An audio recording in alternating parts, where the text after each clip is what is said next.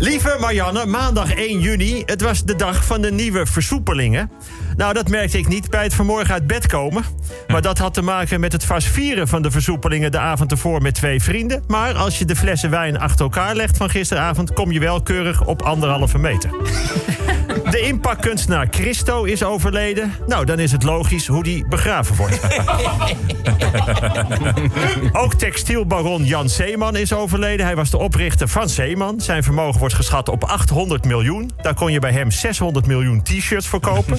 voor zijn begrafenis had iemand hem daarin willen verpakken. Maar ja, Christo was net daarvoor overleden. Waterbedrijven hebben opgeroepen om minder water te gebruiken komende dagen. Er dreigt een tekort.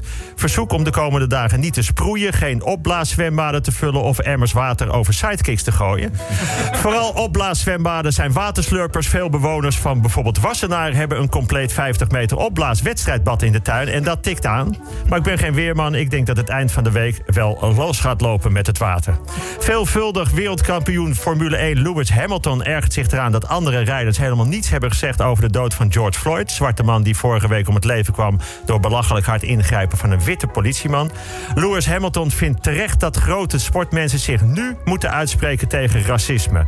Zelf is Hamilton een zoon van een zwarte vader. En Hamilton wordt tijdens Formule 1 races nog regelmatig aangehouden door de politie. Omdat hij voor een zwarte man in een veel te dure Mercedes rijdt.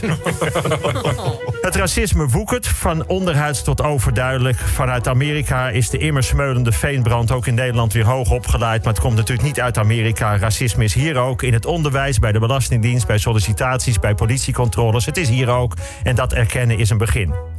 Dinsdag 2 juni vanaf vandaag kon iedereen met coronaklachten bellen met de GGD voor een afspraak. Dat hebben gelijk 325.000 mensen gedaan op één dag. Ik herhaal, 325.000.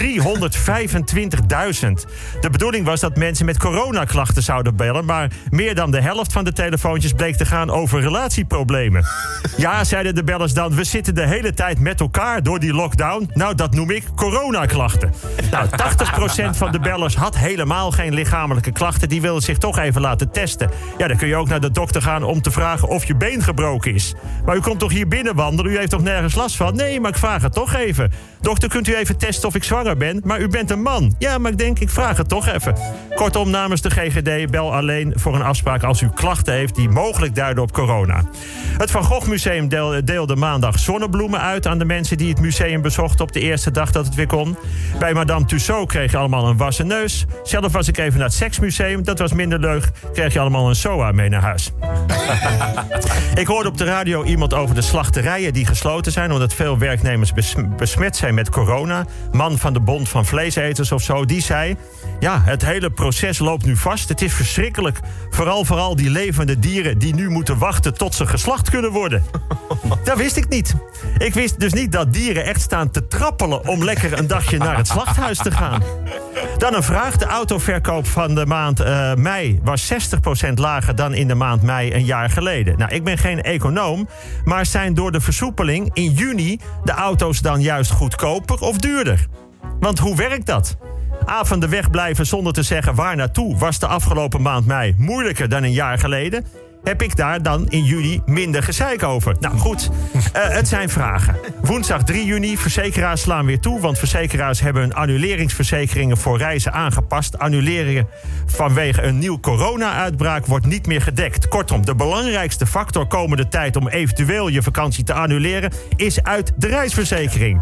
Dat klinkt een beetje als overlijdingsverzekering. Wordt voortaan alleen uitbetaald als je minder, minstens 125 jaar wordt.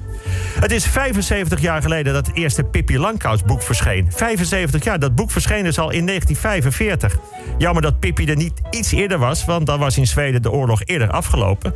Ik vind Pippi geweldig. Ik heb de Pippi-films met mijn dochter zeker allemaal 75 keer gezien. Bekendste uitspraak van Pippi is toch wel... Ik heb het nog nooit gedaan, dus ik denk wel dat ik het kan. Een uitspraak die burgemeester Halsema ook deed vlak voor de demonstratie deze week. Ja, het had natuurlijk anders gemoeten, die ideeën, natuurlijk. Maar de berg stront en de bakken haat die Halsema gelijk over zich heen kreeg... was puur als afrekening met de persoon of voor eigen politiek gewin... en totaal belachelijk. En het is net zo belachelijk als de stront en de haat... die iemand als Umberto over zich heen kreeg... als hij zich uitspreekt over racisme. Waar is het nieuwe normaal?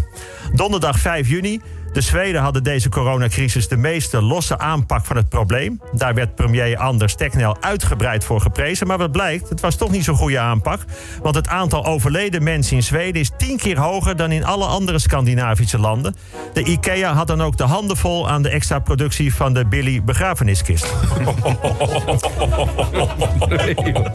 Vrijdag 5 juni. Ik weet toevallig heel veel van de natuur. Of toevallig, nee, ik weet gewoon heel erg veel van de natuur. En ik ben echt een natuurmens. Nou, maakt ook niet uit, maar ik vertel het toch even.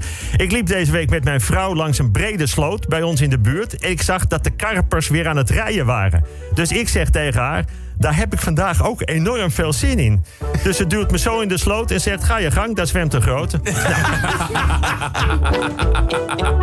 Ten slotte, Mark de Hond is dood. Mijn collega in een rolstoel was altijd positief, ging altijd lachend door. Meest opvallend vond ik als ik hem sprak zijn ontwapende zelfspot. Zijn helderheid, zijn weerbaarheid, hoe dan ook. Toch weer die kanker die toeslaat. Je zou haast vergeten in een tijd van corona. Kanker.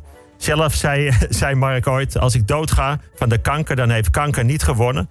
Want als ik er niet meer ben, is de kanker er ook niet. Dus het is op zijn minst gelijk spel. Dat was Mark. Ik ben trouwens helemaal niet met hem eens. Het is wel degelijk verlies. Hij heeft heel onterecht verloren. Maar hij was wel de man van de wedstrijd. Dat wel. Ik herhaal: Mark de Hond is de man van de wedstrijd.